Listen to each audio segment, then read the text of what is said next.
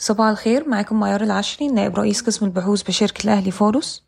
ستقدم الحكومة قروضا بقيمة 10 مليار جنيه بسعر فائدة مدعوم 11% لقطاع السياحة. قالت موديز إن تطوير بيع الأصول في مصر أبطأ مما كان متوقعا. تم الإفراج عن بضائع بقيمة 23 مليار دولار من موانئ مصر منذ يناير. لن تسمح روسيا لاتفاق التصدير الأوكراني على البحر الأسود بالاستمرار إلى. ما بعد 18 مايو.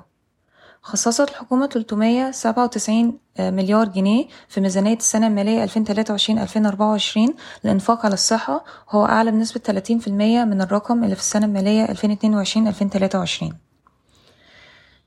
ارتفع احتياطي الأموال إلى 1.502 تريليون جنيه في مارس 2023 ارتفاعا من 1.476 تريليون جنيه في فبراير 2023 منحت هيئة الرقابة المالية الشركات المدرجة مهلة حتى 30 مايو 2023 للإفصاح عن ميزانيتها المالية ونشرها عن الفترة المنتهية في 31 مارس 2023 ارتفع معدل إشغال الفنادق في مصر بنسبة 20 ل 25% على أساس سنوي في الربع الأول من 2023 بلغ معدل إشغال الفنادق في القاهرة 85% خلال الربع الأول من 2023 تليها الأقصر وأسوان 80% مرسى علم 70% الغردقة 65% ثم شرم الشيخ 55%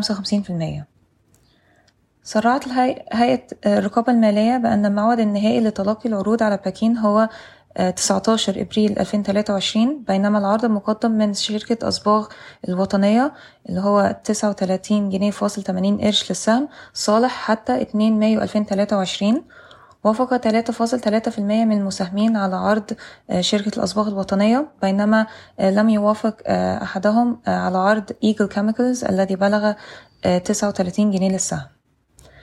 انخفض خام برنت إلى 77 دولار فاصل 69 سنت للبرميل يوم الأربعاء. وافق الرئيس على اتفاقية مع وكالة التنمية الفرنسية بشأن قرض بقيمة 250 مليون يورو على شريحتين لبناء مترو أبو قير في اسكندرية. شكرا ويوم سعيد.